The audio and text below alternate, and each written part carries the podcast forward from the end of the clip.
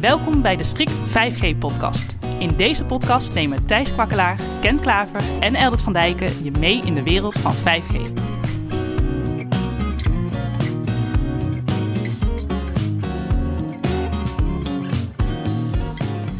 Dit is de Strict 5G podcast. Ik ben Thijs. Ik ben Eldert.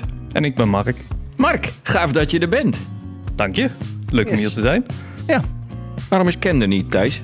eh Ken is even lekker met vakantie. Ah, Ter introductie, waar gaan we het in deze podcast over hebben? Want in veel presentaties en, eh, van fabrikanten en operators wordt het al heel veel genoemd. De metaverse. Grote driver van 5G en waarom we 5G ook echt nodig gaan hebben. Vandaag daarom Mark Jenniskens in ons midden. Welkom. Mark, eh, wij kennen jou als collega binnen Strict. Maar ja, wat is jouw focus? Wat, eh, waar, waar hou jij je mee bezig? Ja, meestal komt er dan een heel lang verhaal, zeg maar, wat ik allemaal doe en heb gedaan.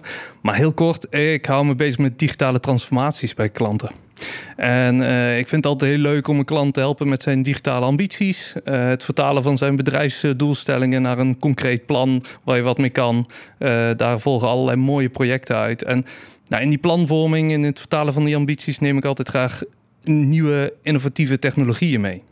Dus in al die jaren dat ik al bij eh, Strict zit, eh, volg ik iedere keer de nieuwste ontwikkelingen, de nieuwste hypes. En ehm, niet zozeer om daar dan full force in te gaan, maar wel om te kunnen duiden, wat kan je hiermee? Wat is de impact eh, op organisaties hiervan? En nou, vandaag zitten we voor de metaverse. Ehm, en in, dat in relatie tot 5G. Nou, en, jouw focus is volgens mij al die jaren, zoals we samen hebben gewerkt, veel meer op end-user devices en, en wat Ja. kun je eraan in de, in de, in de toepassingen. Ja. Waar ik meestal meer vanuit de netwerkenkant kijken. Ja. Ehm, en ik heb ook samen met jou een keer eh, heel gezellig naar de Mobile World Congress in Barcelona geweest. Waar jij met hele andere partijen aan het praten bent. En waar ik heel veel van geleerd heb. Dus in dat opzicht is die, is die combinatie heel erg gaaf. Hè? Ik was met Ericsson aan het smoesen. En Mark was met Samsung en Google bezig. Van joh, wat is de nieuwe Android release? En wat kunnen we daarmee? En hoe zien de nieuwe toestellen eruit? Ja. Ja, want uiteindelijk is eh, dat wat ik interessant vind, de combinatie tussen eh, mens, organisatie en technologie. En dus waar die technologie de mens raakt, eh, vind ik super interessant. En of dat nu metaverse is met alle technologie daaromheen, of artificial intelligence, waar, natuurlijk nu veel over te doen is. Ehm, of in het verleden blockchain, waar we toen veel naar gekeken hebben. En nog steeds ook wel ergens actueel is. Maar ehm, de technologie maakt niet zoveel uit. Het gaat om die nieuwe ontwikkelingen. En hoe kunnen we daar wat mee als, als mens? En zeker ook eh, binnen organisaties dan. En dan even teruggrijpen, je eh, zei het net al als term metaverse. Wat is dat? Ja, metaverse. Er is geen heldere definitie van. Dus dat is heel makkelijk of heel lastig. Ehm, eh, maar het is een, eh, een term die populair gemaakt wordt door Meta, eh, het voormalige Facebook, maker van ook WhatsApp en Instagram. Dus iedereen kent het en gebruikt het. En die hebben zich geherpositioneerd en die term geadopteerd en zelfs heel het bedrijf zo genoemd, Meta. Volle focus daarop. En wat het eigenlijk probeert te verzamelen is eh, de, de ontwikkelingen eh, die er nu gaande zijn eh, rondom het internet. Ze positioneren zich naast het internet. En als jij je telefoon gebruikt, dan zeg je ook niet ik gebruik het internet. Maar je gebruikt het wel. Ja. En ehm, eh, zo kijken ze ook naar de metaverse. Het is hoe we de interactie zoeken met die digitale wereld. Niet meer via statische webpagina's, wat nu wat interactievere webpagina's zijn geworden in Web 2.0. We hebben ook nog een Web 3.0 ontwikkeling hier parallel aan. Maar we gaan meer met 3D doen. Meer met spatial computing. Meer allemaal eh, eh, technische termen. Maar ehm, we gaan op een andere manier met elkaar leren. We gaan op een andere manier met elkaar spelen. We gaan op een andere manier met elkaar samenwerken. Namelijk eh, veel meer visueel, veel meer presence, veel meer 3D. Ehm, en allerlei technologische ontwikkelingen maken dat nu mogelijk. En dat allemaal samengevat, dat kan je misschien een beetje de me- metaverse noemen. Dus waar we misschien voor mij even te begrijpen, hè, waar we vooral mee begonnen zijn telefoneren, was normaal. Hè? We zien Ja. dat we nu in een tijd zitten waar we met teams, eh, inclusief video, met elkaar samenwerken op eenzelfde document, vinden we al eh, meer gebruikelijk worden en op heel veel plekken al heel handig in gebruik. Ja. Maar de metaverse is eigenlijk de stap daarna dan? Ja, dus zo zou je me eh, voor dat stukje kunnen uitleggen. Dus ehm, dan kijk je van hoe communiceren we op een zakelijke manier ook met elkaar. Eh, bijvoorbeeld hè, de videoconferencing in Teams. hoe wordt die uh, virtueler, meer 3D, meer echter? Hoe gaan we die connectie met elkaar anders vormgeven in de toekomst? Nou, daar zie je allerlei mooie ontwikkelingen op. En uh, daar heeft Meta heeft daar een visie op. Apple heeft daar een visie op. Microsoft heeft daar een visie op. Al die grote organisaties. Um, en uh, videobellen, nou, dat, uh, aan de ene kant gaat dat straks met 3D holografische projecties.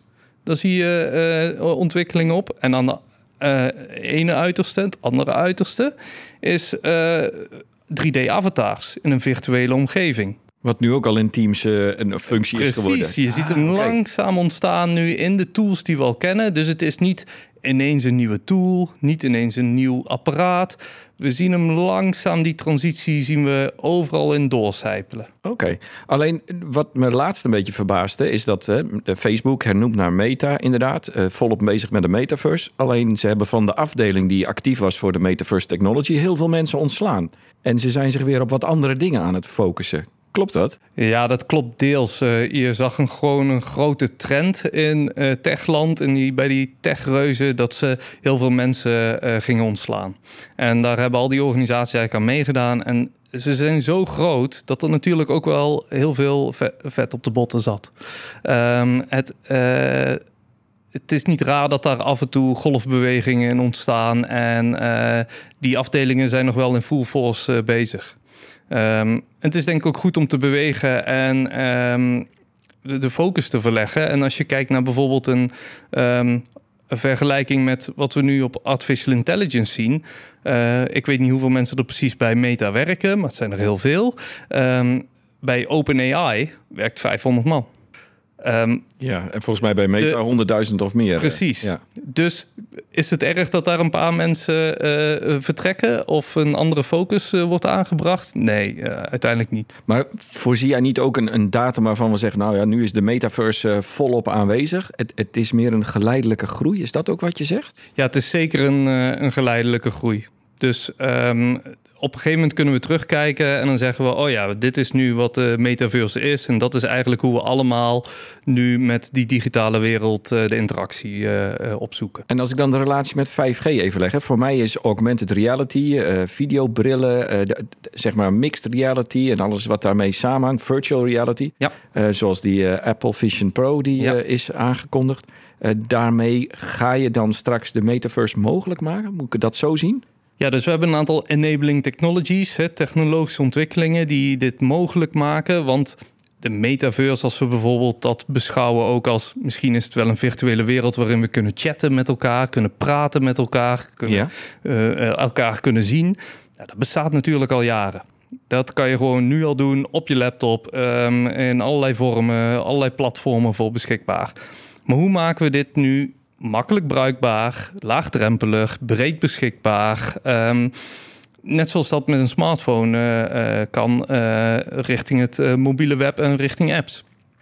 Um, en dat zal geleidelijk gaan. En die enabling technologies, een daarvan is bijvoorbeeld die bril. En de Apple-bril, fantastisch mooie ontwikkeling. Dat zal hem nog niet zijn. Uh, er zullen nog een aantal okay. stappen achteraan komen uh, om het echt breed uh, beschikbaar te maken. Dus zo zal die ontwikkeling dus ook geleidelijk gaan. er zullen nog wel een paar iteraties van die technologie moeten plaatsvinden. Al is het alleen al om de prijs. Ja, precies. Want de eerste smartphones waren ook heel ja, die waren ook heel duur. Ja. Ja. En op een gegeven moment ga je natuurlijk de consumentenmarkt bedienen... en is het ook voor iedereen toegankelijk op die manier. Ja, ja iedereen die nu zo'n bril opzet van wat er nu al beschikbaar is... die zegt, wauw, gaaf dat dit kan. Dit, ik zie wel de toegevoegde waarde. Ja. Maar vervolgens lopen ze allemaal tegen dezelfde dingen aan. Uh, aanschaf, uh, instapwaarde, uh, dat is een probleem. de batterijduur van zo'n apparaat is een probleem. De interactie met de fysieke wereld op het moment dat je zo'n ding op hebt, is een probleem. Um, uh, nou, zo zijn er nog wel een paar uh, uh, te bedenken. Um, comfort, um, het ding is soms te zwaar op je hoofd. Um, dus er zijn een aantal stappen nodig op technologievlak om de, de brilvariant van de metaverse, om, om die echt beschikbaar voor en bruikbaar voor iedereen te maken. Dus... En precies, en dat voor mij is dat ook een beetje het lastige. In de hele 5G-discussie wordt geroepen augmented reality. Dat is mogelijk dankzij 5G. En dan ga je kijken naar die oplossing. Dan zit er ergens een 5G-modem in die keten verstopt. Maar het laatste stuk gaat met wifi. Want uh, ja, 5G zit nog niet in de bril. Ja, dus uh, de link met 5G, die, die kan je op een aantal manieren bekijken. je hebt ergens voor bepaalde toepassingen, zoals uh, videoconferencing, maar nog veel meer voor snelle interactie, zoals gaming en dergelijke, heb je hele uh, lage vertraging nodig, hele lage latency nodig om het bruikbaar te maken. Ook als je virtuele objecten in de echte wereld projecteert en je wil uh, de illusie houden dat ze op een vaste plek zijn in die echte wereld, terwijl je, hoofd het, draait. terwijl je hoofd draait en je beweegt, um, moet dat ook heel snel verwerkt zijn. Dus je hebt of een heel snelle computer op je hoofd nodig. Eigenlijk, dat is de Apple-bril uh, die nu is aangekondigd. Daar zit echt uh, hele mooie technologie in. Die die bril echt uh, tot net zo snel als de nieuwste laptop van Apple maakt. Mm -hmm. Dus dan heb je eigenlijk gewoon een smartphone erbij op je hoofd? Nou, je hebt een laptop op je hoofd. Op je laptop zelfs, oké. Dus ja. um, de, als je naar de huidige brillen van Meta kijkt... wat de Oculus Quest 2 en Pro en 3... dan heb je eigenlijk meer een smartphone op je hoofd. Oké. Okay. En uh, de Apple-bril is meer een laptop op je hoofd. Als je zo die vergelijking zou kunnen... Qua processing power. Ja, ja. qua kracht. Dus um, dat zie je ook terug in de prijs. ah, vandaar, ja. Ja, ja. Uh, uh, maar bijvoorbeeld met de goedkope brillen... kan je meestal wel aan een snelle PC hangen... En uh, met 3D-kaarten uh, erin, uh, waardoor je wel zeg maar, die kracht eraan kan koppelen. en het meer als een beeldscherm gebruikt op je hoofd. Nou, uh, met alle voor- en nadelen van dien. 5G uh, maakt het mogelijk om um, de bril goedkoop en licht te maken. Uh, want dan heb je niet meer de processing power in de bril nodig, maar die kan je aan de edge of in de cloud zetten. En dan um, heb je dus die, die hindernissen die we net hadden rondom die brillen, van hij moet licht zijn en moet betaalbaar zijn. Nou, dat heb je voor een deel heb je dat geadresseerd. Dus het is eigenlijk een andere strategie, uh, namelijk uh, zo min mogelijk in die bril. En dat zetten we in de cloud. Maar we hebben nog wel die lage vertraging nodig om het mogelijk te maken. En 5G biedt dat ten opzichte ja. van wifi beter. Uh, zeker in drukke gebieden. Of als je het buiten de deur wil toepassen. Dus in het park of als je onderweg bent. Um, ja, dat, dat, zijn typische use cases waar 5G wel beschikbaar is. Uh, en wel kan omgaan met die requirements. Uh, maar wifi nog niet. Nou, en dat is volgens mij ook een aantal jaren terug hè, met het Pokémon Go, waar je buiten ja. moest spelen om punten te verzamelen. Dat is volgens mij voor heel veel jeugd het moment geweest waarop ze afstapten van een prepaid abonnementje in combinatie met wifi thuis.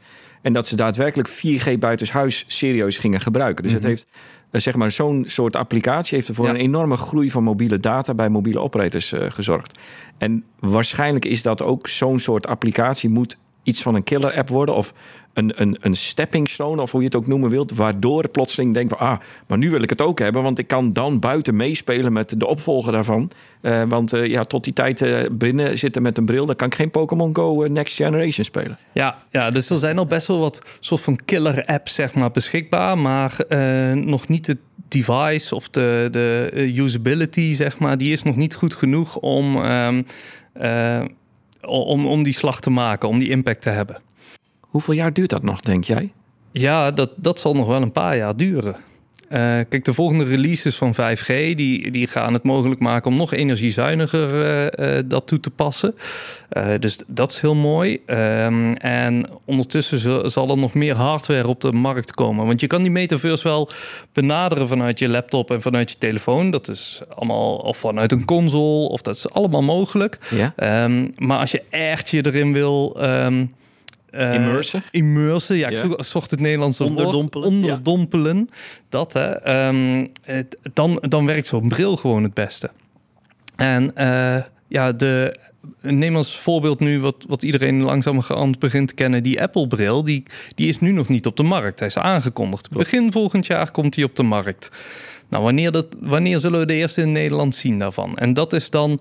Jij bent nou, vast een van die eerste. Ja, ik zit toch niet zo in dat ecosysteem. Maar um, ik ga hem zeker heel snel gebruiken.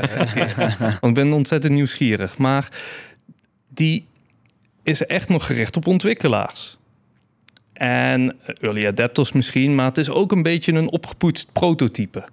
Uh, en dat is hartstikke mooi, want het is echt een driver voor de ontwikkeling in de markt. Maar we zien echt wel, die prijs moet natuurlijk naar beneden. En er moeten iteraties komen dat die nog lichter wordt. En, en nog sneller misschien wel. En uh, nou, dat moet allemaal nog plaatsvinden. En ja, daar gaat dus nog wel een paar jaar overheen. Ja.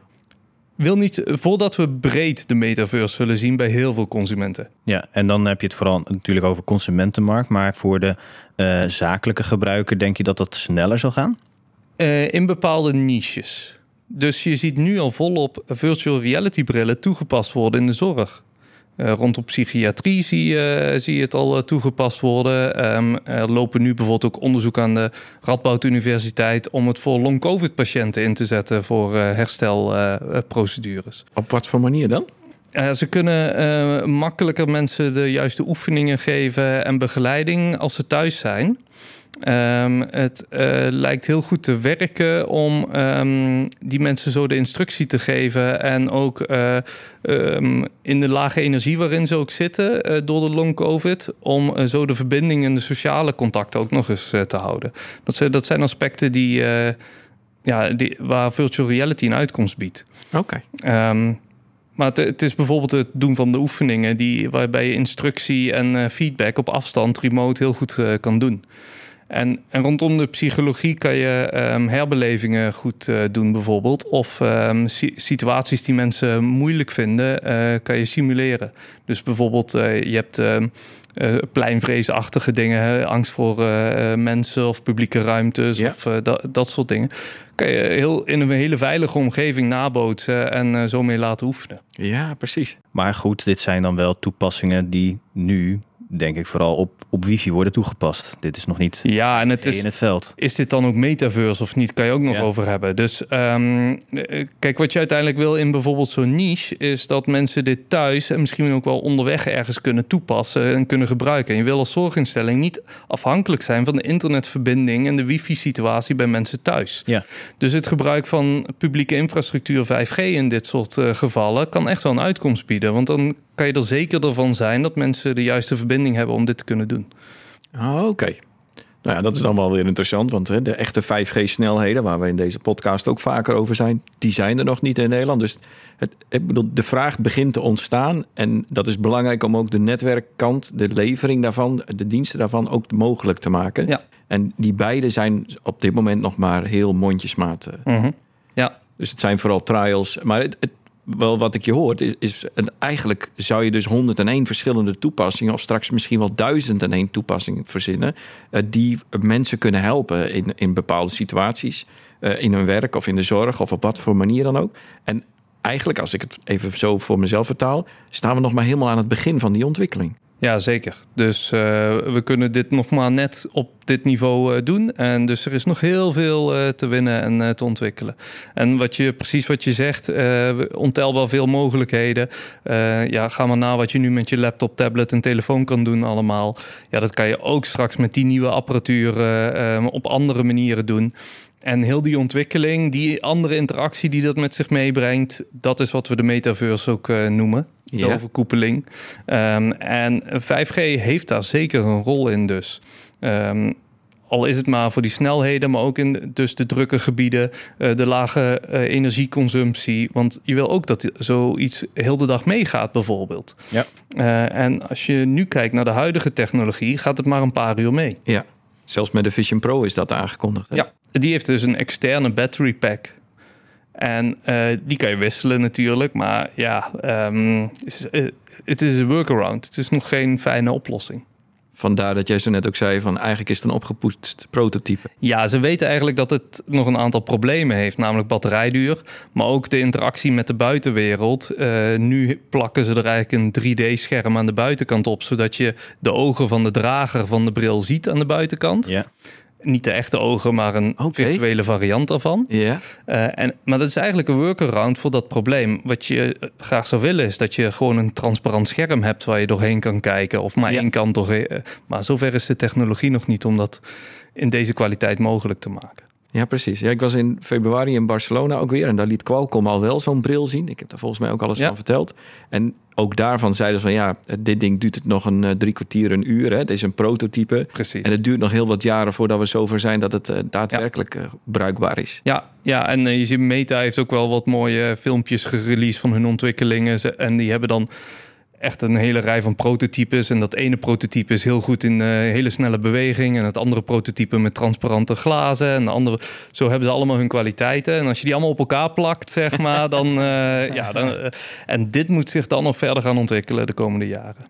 Spannend. Ja, Maar voor eh, de telecom-operators is metaverse soms wel een beetje de, de heilige graal. eh, van, nou ja, hè, dat is de driver voor, voor 5G. Maar als ik het ook zo hoor, ja, gaat het ook nog wel even duren. Dus hoe, hoe gaat die verhouding dan eh, eh, zijn? Want ze moeten het wel al gaan uitrollen, want anders ben je te laat. Ja, nou, en, en misschien is 5G dan ook een lange tijd op zoek, ge- eh, een, een oplossing op zoek naar een probleem. Want voorheen was het, eh, we gaan eh, opereren op afstand. Dat gaan we met 5G helemaal kunnen Ja. doen. Ik, ik las of, dat laatst nog het verhaal eh, dat een telecomoperator dat ook vertelde aan een ziekenhuis. Nou, u moet 5G gaan implementeren, want daarmee kun je op afstand gaan opereren. Ik denk, ja, hoe dan? Waar ga je die eh, patiënt neerleggen? Ik denk in het ziekenhuis. Waar ga je die arts brengen? Ja, waarschijnlijk voor de veiligheid toch in het ziekenhuis. En als je al een verbinding gaat maken waar je echt over gaat opereren, dan wil je wel zeker weten dat die er is. En waarschijnlijk wordt dat dan een glasvezel, redundant of op een andere manier. Ja. Want Naar Op het de je- robot eh, toe natuurlijk. ja. Ja. want op het moment dat je meer dan 150 kilometer ver bent of meer dan 50 kilometer ver, kun je die latency al niet meer garanderen. En dan ga je misschien alleen in de niche, eh, in een veldhospitaal of eh, dergelijks, dat je zegt van oké, nu is 5G echt de oplossing voor dit probleem. Precies. Nou, en Ja. dus dat was één toepassing. En de andere was zelfrijdende auto's. En die zelfrijdende auto's daarvan, eh, ja, zeggen we met z'n allen, die zijn er over vijf tot tien jaar. En dat zeggen we eigenlijk al twintig jaar. Dus het, het wordt steeds naar voren geschoven, of naar achteren, sorry, naar achteren geschoven.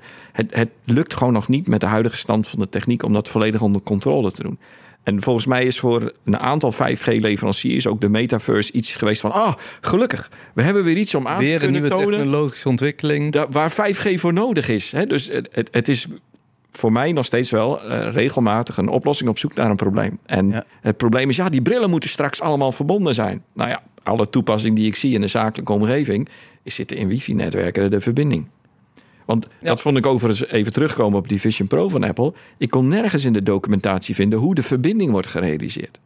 Nee, want de eindgebruiker is er niet in geïnteresseerd. Die wil gewoon dat het werkt. Ja. En dat is wat Apple doet. Ze hebben zelfs de term metaverse niet genoemd in eh, heel hun eh, presentatie. Eh, sterker nog, ze hebben ook artificial intelligence niet genoemd. En dat doen ze heel bewust. Want ze willen niet mee op die hype. Ze willen niet Ja? mee in die beeldvorming. En ze willen het hebben over de beleving van de gebruiker. En zij zorgen wel voor de techniek op de achtergrond. Ja. En dat doen ze heel bewust, doen ze heel goed. eh, aan de ene kant, denk ik. Aan de andere kant is het ook heel veel marketing en eh, rookgordijnen. Eh, en ga je dan echt graven van wat zit erachter? Nou, oké. Kijk, ik kan me heel goed voorstellen dat er gewoon een heel sterke link komt tussen de bril en de telefoon, de iPhone. En die iPhones hebben natuurlijk 5G. Ja. Dus ehm, ja, kan je die bril straks in de trein gebruiken? Of op het vlie- in het vliegtuig? Of, eh, want dat, daar hebben ze, die beleving hebben ze gepresenteerd. Je zit in het vliegtuig en je kijkt een film. En je sluit je af voor je omgeving om je heen. Oké, maar met welke verbinding? Waar komt die eh, Netflix-stream eh, vandaan? Ja, eh, daar, daar zeggen ze nu nog niks over. Gaat het via het vliegtuig? Gaat het via 5G als je in het vliegtuig zit? Nou, of, of kan je dat van tevoren, moet je dat dan op je bril zetten? Ja, da- nou, dan ben je de gebruiker al kwijt. Dus ehm, ja, daar, daar gaan ze wel slimme oplossingen voor verzinnen. Ik denk gewoon die naadloze verbinding met die iPhone die je toch al in je broek hebt zitten. Dus ehm, ja, daarom vertellen ze daar niks over. Ah, Oké. Een tijdje terug heeft Nokia geroepen van als we straks 6G krijgen, eh, dat is het einde van de smartphone. Denk je dat dat ook gaat gebeuren? Dat we straks zeg maar helemaal op die bril eh, gebaseerd, ja ik ben ook een brildragend, eh, dat we dan daarmee de smartphone niet meer nodig zijn? Nou, dat, zou wat zijn. Maar als ik nu om me heen kijk, ehm, de smartphone is ook niet het einde van de laptop geweest. En de tablet ook niet het einde van de laptop. Of ehm, nou ja, we zien wel wat ontwikkelingen, maar De, ehm, de laptop is wel het einde geweest van de vaste computer misschien. eh, heel eind ook. Ja, er is eh, veel minder. ehm, eh, veel, veel minder toepassingsgebieden waar dat nog voor nodig is. Dus we zien inderdaad wel ontwikkelingen. We zien ook echt wel met wat een tablet tegenwoordig kan, dat dat heel dicht tegen een, laptop aan gaat zitten. Dus, ehm, maar bepaalde vormen, vormfactors, hoe groot je scherm is en waar je hem kan plaatsen en hoe je hem kan vasthouden, hoe makkelijk je iets kan meenemen en wat het voor invloed heeft op je fysieke omgeving. Dat maakt eigenlijk nog wel dat ik het meer zie als een, als een apparaat erbij dan als een vervanging van, eh, van het geheel. Oké. Ehm, want er zijn echt nog wel veel situaties waarin je je kan voorstellen dat het niet handig is om zo'n bril op te hebben. Ehm, maar wel bijvoorbeeld een, eh, handig is om een smartphone in je broekzak te hebben. Dus misschien komt er ooit wel een situatie dat, die, eh, dat je die bril zo kan opvouwen dat die in je broekzak past. En, maar dan zijn we echt nog wel heel veel jaartjes verder. In ieder geval, je kan nu al zo'n bril kopen, maar niet met dezelfde kwaliteit en toepassingen die je eigenlijk zou willen. De killer apps. Nee, dat gaat nog wel wat jaren duren. Ja. Verwacht ik ook wel. Ik vond een tijdje terug wel een hele interessante bril van Ray-Ban... waarbij je eh, Mhm. allerlei verhalen kon maken. Dat was eigenlijk een Instagram-bril... Ja. waarbij je eh, als persoon dingen kon meemaken. Die, er zaten twee camera's in de bril... en dat kon je dan bijna live streamen. Nou ja, met wifi dan, eh, of via je laptop... of in ieder Ja. geval weer je smartphone... eh, waarmee je verhalen dan kon posten. Dus als je een belangrijke influencer was... of mensen veel mee wil laten kijken met je leven... Ja. je gewoon zeg maar een Ray-Ban op... die als er een, echt als een gewone zonnebril eruit zag. Iets dikkere pootjes aan de zijkant, maar dat was niet opvallend. En daarmee kon je dit al doen. Het, maar het is eigenlijk zeg maar een eenwegbril. Dus er was een camera naar het internet, niet andersom nog. En eh, Snap eh, heeft ook eh, een dergelijke bril gelanceerd. En ze hebben zelfs een keer een drone gelanceerd die dat voor je kan doen, zeg maar. Oh ja, die meeloopt of ja, die meevliegt en meeloopt en meevliegt. En zo proberen ze dingen. En Ray-Ban heeft ook bri- brillen gehad met ehm, eh, koptelefoons erin verwerkt, zeg maar. Hè? Dus oortjes om muziek te luisteren. Eh, MP3-spelers eh, Ja. 15 jaar geleden, 20 jaar geleden. Ehm, eh, zo zie je dat men die integratie probeert. Eh, maar eigenlijk zie je ook nog steeds dat die apparaten allemaal los eh, bestaan. Dus ja, je zou dat kunnen integreren in een zonnebril. Maar eigenlijk wil je dat niet altijd hebben. Ehm, dus ehm, ja, dat, daar is nog wel veel... Dus ondanks dat hij er echt als een zonnebril uitziet... ehm, is het toch nog niet een heel groot succes. En waarom niet, denk je? Nou, dat heeft ook met een stukje gewenning te maken, maar ook met dat men dat niet comfortabel vindt als anderen zo eh, bijna met spionageachtige stiekem eh, manieren gefilmd worden in publieke ruimtes bijvoorbeeld. Dus er zitten ook nog heel veel sociale conventies eh, aan vast. Ja. Je kan echt wel in een meer industrietoepassing of zoiets bedenken. Dat Ja. meekijken met, met dat soort dingen super handig. En daar wordt het ook wel toegepast. Dat is een afgeschermd gebied. Dat is de niche eigenlijk. Of Ja. ja, niche kan best wel een hele grote industrie worden, maar dat is iets anders als de consumentenkant nog. Ja, daar is het nog lang nog niet zo geaccepteerd dat je dit doet. Gaaf. Heilige graal of niet, de metaverse is volop in ontwikkeling. En mogelijk biedt 5G het antwoord op de technische vraagstukken bij de techniek achter de metaverse. Maar tot die tijd, de eerste keer dat. Mark. Ja, de eerste keer dat ik in aanraking kwam met de metaverse, en dat, dat duidt ook wel misschien al hoe lang dit speelt en hoe lang het nog gaat spelen voordat we er iets mee eh, kunnen. En dan- denk ik terug aan dat ik een jaar of 12, 13 eh, was. En ehm, dat is toegegeven al best wel een tijdje geleden. Ergens Zelfs voor jou? Ja, zelfs van, eh, moeilijk toe te geven, maar ergens in de jaren negentig. En ging ik met mijn vader mee naar een computerwinkel. Die had je toen nog volop. En ehm, eh, daar stond een apparaat, een heel grote virtual reality bril. En eh, ja, die mocht je even op. Dan kon je dat even ervaren. En eh, je zette hem op en ze hadden het spelletje Doom eh speelde ja, daarop. ja. En nou, bijna iedereen zal het kennen. Echt de originele versie. En Oh. die, die kon je spelen. Ehm, maar het, daarop terugkijkend, eh, was dat metaverse? Was het virtual reality? Nee, eigenlijk allemaal net niet. Maar je had wel zo'n bril op. Je zat er wel in. En je keek eigenlijk naar een heel klein beeldschermpje. Ja. Heel erg in de vechten. Met heel weinig resolutie. En het was eigenlijk ook niet 3D. Maar eh, als ik terugkijk van... Oké, dat zijn wel echt de brillen waar het ooit mee begon. Want de visie erachter toen is niet heel veel anders dan de visie die er nu is. We kunnen technologisch veel meer, ehm, maar die visie is niet veranderd. Dus hier gaat het naartoe, dat uh, zag iedereen al. Ik kan me nog herinneren dat ik de eerste keer Doom speelde bij mijn broertjes inderdaad. En dat ik gewoon een uur erachter had gezeten. En dat toen ik daarna even ergens anders ging zitten en mijn ogen dicht deed. Dat ik voor mijn gevoel nog steeds in diezelfde wereld zat. Dus Ja. hoe die virtuele wereld je, ja, dan al impact op je kan hebben. Ja, ja, dat, ja, nee, die ervaring heb ik ook. Dat is, je kan er helemaal ingezogen worden. En eh, betere technologie maakt dat nog meer mogelijk. Dankjewel. Hartstikke fijn dat je er was, Mark. Nou, hartstikke leuk om hier te zijn. Dit was de Strict 5G podcast met Eldert, Ken en Thijs. Abonneer je op de podcast zodat je direct weet wanneer er weer een nieuwe aflevering is. En laat ons ook vooral weten wat je ervan vond.